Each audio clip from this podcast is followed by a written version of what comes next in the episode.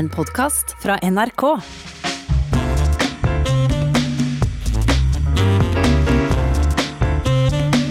Ja, Som vi alle veit, så gikk valget skeis for eh, Kristelig Folkeparti. Ikke bare glapp regjeringsmakta, nei, partiet fall under den avgjørende sperregrensa, og et dårligere valgresultat for KrF finner vi ikke etter krigen. Men ei ulykke kjem sjeldan aleine, sies det. For eh, førre helg måtte Kjell Ingolf Ropstad trekke seg som partileder. Det ble den uunngåelige resultatet da Aftenposten avslørte en i overkant kreativ aktivitet for å slippe å betale skatt. Og her sitter du, Knut Arild Hareide, vestlending, samferdselsminister, og mannen som gikk av som KrF-leder etter å ha tapt det såkalla retningsvalet høsten for tre år siden. Velkommen. Tusen takk. Hvordan er sinnsstemninga hos deg? Den er prega av eh, den beskrivelsen som du, eh, Harald Stangeli, gir nå. For det er klart at eh, vi opplevde et krevende valgresultat. Og så tror jeg òg at vi som jobber tett på hverandre, vi har sittet nå i regjering sammen, så er vi prega av òg den saken som gjorde at Kjell Ingolf Ropstad valgte å, å, trekke seg. Og jeg er enig i det du sier, og jeg trenger ikke forsvare det som har skjedd der, for det gjør ikke engang Kjell Ingolf sjøl. Eh, han har tydelig beklaga, og ja, så er det ikke sånn at én feil skal definere noen personer. Vi gjør alle feil, men jeg var enig i den konklusjonen han trakk om at det var naturlig å gå av. Men det er klart det gir noen utfordringer for et parti som kom inn med tre mandat, eh, og som nå står da i realiteten uten leder, selv om Olaug Bollestad nå overtar. Men du har levd med KrF mesteparten av ditt liv. Du har vært partileder i, i hvert fall 28 år til sammen, eh, og identifisert deg sterkt med partiet. Hva, hva slags kjensle vil du, eh, vil, vil du si du, du, har når du ser det som har skjedd? Det er klart at valgresultatet i 2017 mm. var jo en veldig tydelig vekker for oss, for da fikk vi 4,2 eh. Egentlig var valgresultatet òg i 2015 en vekker, fordi da ble vi kåra til valgkampvinner i 2015, og så gikk vi likevel tilbake. Og vi ser det at det er mange som er enig i KrFs politikk, men som likevel tenker at det er ikke aktuelt for meg å stemme på det partiet. Og det er klart at eh, vi må vise reelt at vi er et åpent parti, Eh, eh, og det vi òg ser, at det er mange som, som er mer enig i politikken vår, men som da takker nei, eh, og ikke ser det som aktuelt å stemme på KrF. Og der det handler jo litt om hvordan en tenker om det, kall det merkevaren KrF, og hvordan vi, vi jobber med det. Og det, det er jo vår utfordring i den situasjonen som, som kommer nå. Så tror jeg òg at, paradoksalt nok, det at vi er i en så reell krise, gi oss òg noen muligheter til å ta modige valg som vil være helt nødvendig. Og jeg kommer jo fra næringslivet, mm. og jeg veit jo òg at eh, nettopp det å ha den forståelsen for å ta den type valg, kan jo òg være starten på noe nytt. Men eh, hva med eh, dine egne personlige kjensler? Går det inn på deg personlig når du ser at eh, partiet du har tjent i så mange år, er i krise? Jeg tror jeg må innrømme at dette har gått inn på meg, men jeg tror at eh, saken knytta til Kjell Ingolf har gått mer personlig inn på meg enn at vi gikk under sperregrensa ved valget. Og fordi at eh, jeg har lest meningsmålinger òg det siste året, og jeg kunne være forberedt på at vi skulle greie det, men jeg var òg forberedt på at vi ikke skulle greie det. Og, men den saken som kom fram, både fordi det hadde en alvorlighetsgrad som, som jeg tror vi alle deler, men òg de personlige relasjonene, og så innrømmer jeg at jeg sitter jo for tett på til å være en objektiv observatør til en sånn sak, jeg er så absolutt uh, subjektiv, men det, det, går så absolutt uh, inn på meg, og uh, jeg tror jeg tør si at den helga vi la bak oss, det er en av de helgene jeg har sovet aller dårligst i den tida jeg har vært med i norsk politikk. Du gikk av i 2018, eh, Kjenn Ingolf Ropstad nå i 2021. Det er et, et stort forbruk av partiledere. Ja, eh, og det tror jeg var jo Dette var ikke vår plan. Eh, dette var ikke Kjell Ingolfs plan. Men jeg tror òg at vi reelt sett nå får en mulighet til, kall det en, en restart. Vi får muligheten til å ta noen valg framover. Og det tror jeg at KrF har vært et parti som har hatt på sitt beste evnen til ikke minst å, eh, å, å treffe mange innenfor, kall det kristenfolket i Norge, selv om den definisjonen eh, og, og det har òg vært en utvikling i mange saker blant de som engasjerer seg. Jeg tror mange har sett viktigheten av, av KrF, men vi må òg være enda bedre på å ha en politikk for den tida vi lever i, og det gir på mange måter òg den restarten vi får nå, en mulighet for partiet til å ta rette valg. Og, dette har jo òg skjedd med parti før. I, I, 2009 så var det Venstre som gikk under sperregrensa. Eh, Trine Skei Grande satte seg i gang med å jobbe ut en strategi. De har hatt tre valg nå over sperregrensa. Mm. Jeg tenker òg på SV i 2013, som var så nærme å gå under sperregrensa, og som i dag framstår som en av de store valgvinnerne ved dette valget. I Kjell Magne Bondevik og Valdar Svarstad Hauglands glansdager på 90-tallet så hadde jo partiet valgresultat på 13-tallet, og det var draumen om et stort kristendemokratisk parti som eh, rådde grunnen. Men eh, slik ble det ikke. Nei, eh, men vi ser jo det fra enkelte land i Europa, så har jo nettopp kristendemokratiske parti Eh, vi skal snart ta farvel med en kansler i Tyskland, Angela Merkel, som virkelig har greid det. Og vil jeg si at hun har greid å vise sentrumspolitikk med si måten å håndtere flyktningkrisa på. Eh, så er det jo sånn at i det politiske landskapet i Norge, så, så er det jo også sånn at eh, KrF har alltid spilt en, en rolle som et sentrumsparti. Mm. Og så har det vært andre partier òg, med Arbeiderpartiet og Høyre, som har tatt, kall det de store rollene på hver sin side i norsk politikk. Eh, men det er jo en av de tingene som jeg tross alt er, er glad for ved dette valget, det at sentrum i norsk politikk har styrka seg. Nå eh, var vel din store inspirator eh, verken Bondevik eller Svarstad Haugland, men den frodige vossingen Jon Lilletun, stemmer ikke det? Det stemmer. Jeg hadde gleden av å være politisk rådgiver for han. Det var på den måten jeg kom inn i rikspolitikken, og ble vel også kalt for Bitte Lilletun en periode. Ja, og det så du på som et heidersnavn? Ja, så absolutt.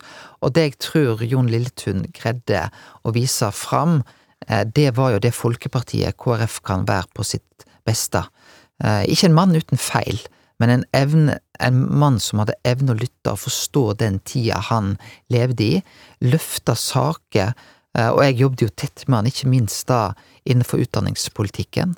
Han løfta fram muligheter for de som ikke hadde greid å få med seg skolegangen når en etter planen skulle få den, mm. sånn at han var med på å gi den skolegangen til de seinere i livet.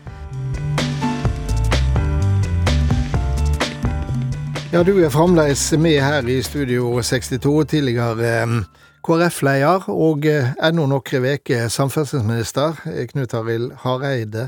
Partiet ditt er i krise, og det er de som peker på det såkalte retningsvalet høsten 2018 som en av grunnene.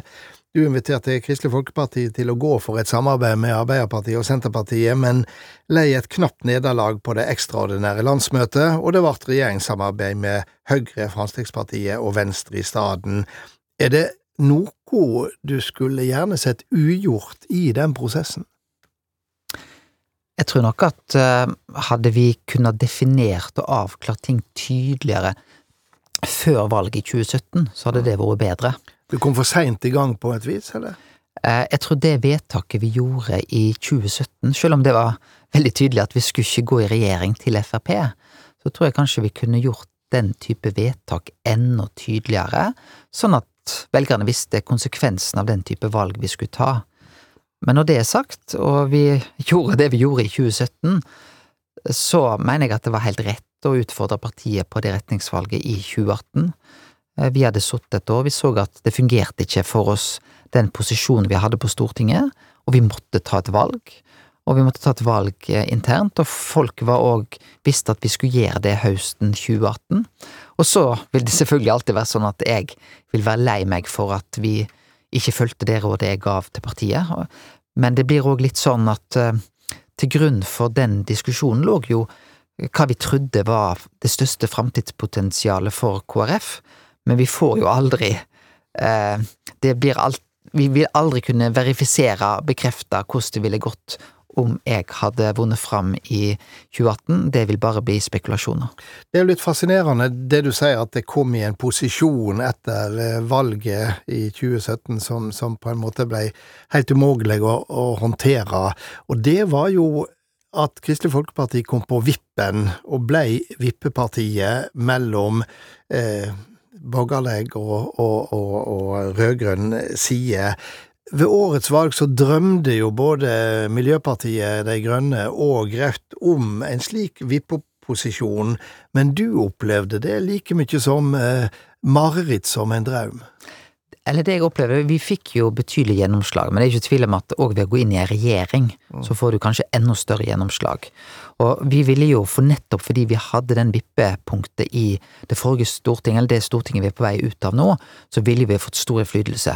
Både i den regjeringa vi har sittet i nå, og om jeg hadde vunnet fram med ei anna regjering. Men det jeg opplevde det første året, og, og etter valget i 2017, så var det min intensjon å bli i den vippeposisjonen, men jeg opplevde at de andre partiene var bedre på å definere vår agenda enn at vi greide å sette vår egen agenda med den vippeposisjonen vi hadde. Og dermed så kom en i en skvis eh, nesten hva en gjorde. Ja, og det handler òg om at uh, dette handler ikke bare om de politiske partiene, men at Norge òg skal styres på en best mulig måte, og vi måtte ta et strategisk valg for hva vi mente var rett, og det var partiet enige om at vi skulle gjøre. Eh, du nevnte mm, tidligere de store europeiske kristendemokratiske partiene, men Kristelig Folkeparti har jo en helt annen bakgrunn. Den er jo Eh, runden av den eh, lågkirkelige rørsla på Vestlandet, og som et eh, moralsk imperativ inn i norsk eh, politikk. Og der har jo grunnfjellet på mange måter vært, men så har kristenfolket bredda seg ut, og det er større og større avstand mellom de som sokner til kristenfolket. Det skaper et helt spesielt problem nettopp for et parti som appellerer den veien. Ja, og den utfordringen som du peker på her, den, den har for så vidt ikke bare KrF, den det òg de mediene som ikke minst da sokner til mange av de kristne velgergruppene, har hatt litt av den samme utfordringen. Hvis du ser på avisa Vårt Land, eh, så har de hatt noe av de samme utfordringene. Men det er ikke tvil om at, kall det hvem skal en snakke til, for å si Ja, og at bredden i det spekteret, det er langt større. Hvis du går tilbake til begynnelsen av 80-tallet, så ville en i spørsmål knytta til Israel, Eh, til abortspørsmål, til homofili, få de samme svarene, mens svarene har en helt annen spekter og en bredde. Og det vil jo være viktig eh, i den diskusjonen som òg KrF tar nå videre, nettopp hvordan vi eh, tar inn over oss den type spørsmål, som et eksempel. Jeg kunne nevnt flere andre. Det har jo alltid vært en sånn høyre-venstre-akse i Kristelig Folkeparti, men samtidig har det vært en idé som har forent disse. Det, det har liksom vært et lim som holdt eh, partiet sammen og var sterkere enn vanlige politiske skillelinjer, men nå kan det se ut som dette limet ikke er sterkt nok. Ja, jeg ser vel nok at limet har vært ganske sterkt, og er der fortsatt, men den gruppa som har det limet, er blitt eh, mindre og mindre.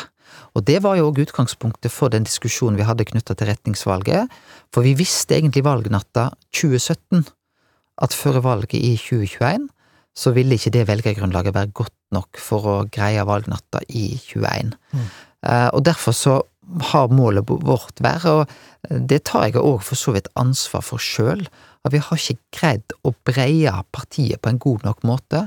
Folk er i stor grad enig i politikken vår, men kjenner ikke at de er innenfor til å stemme på KrF.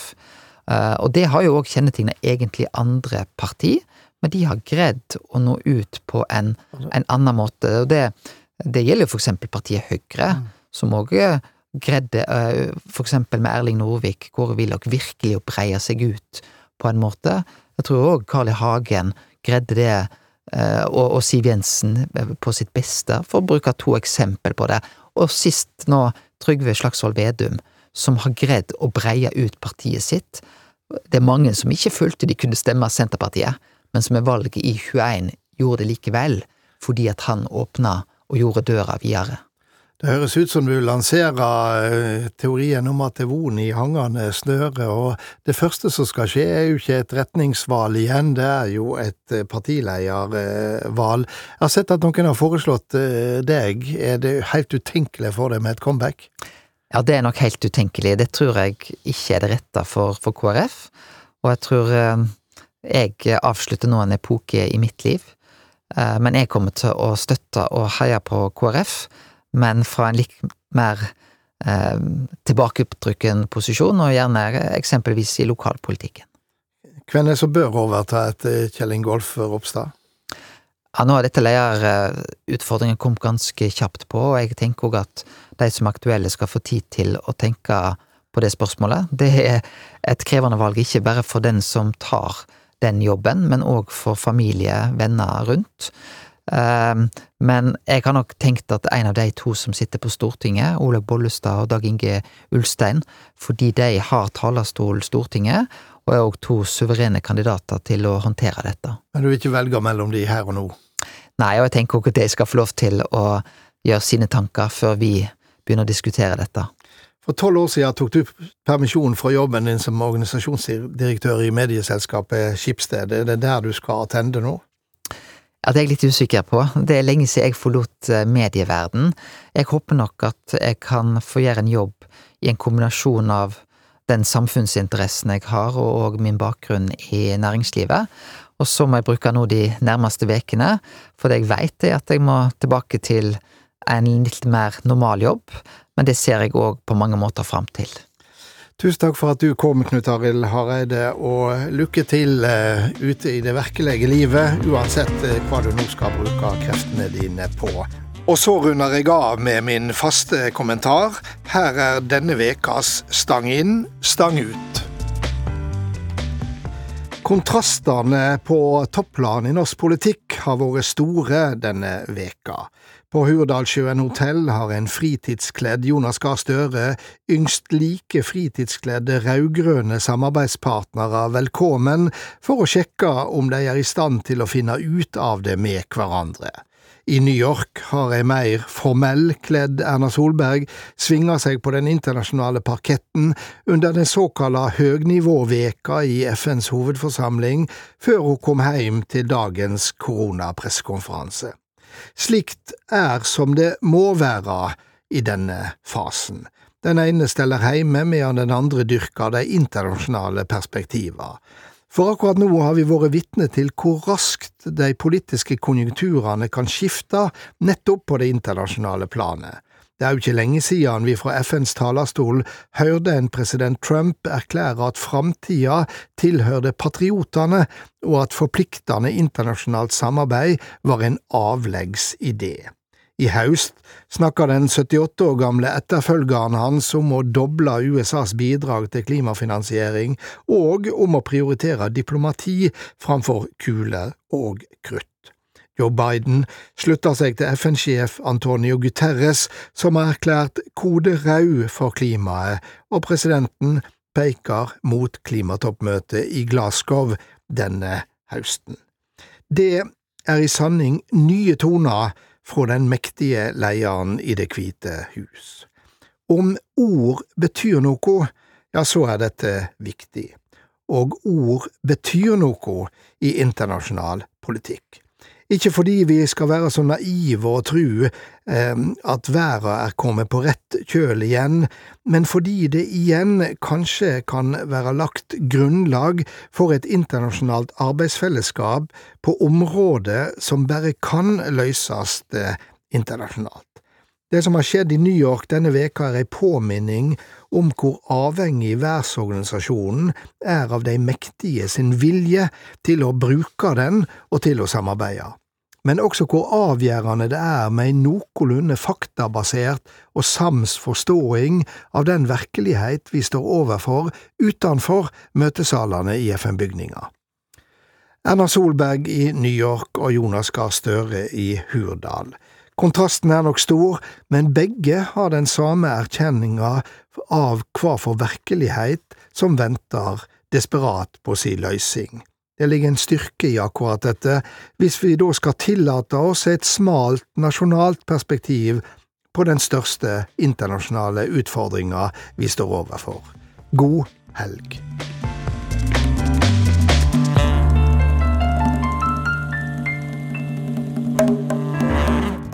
Du har hørt en podkast fra NRK. Hør flere podkaster og din NRK-kanal i appen NRK Radio.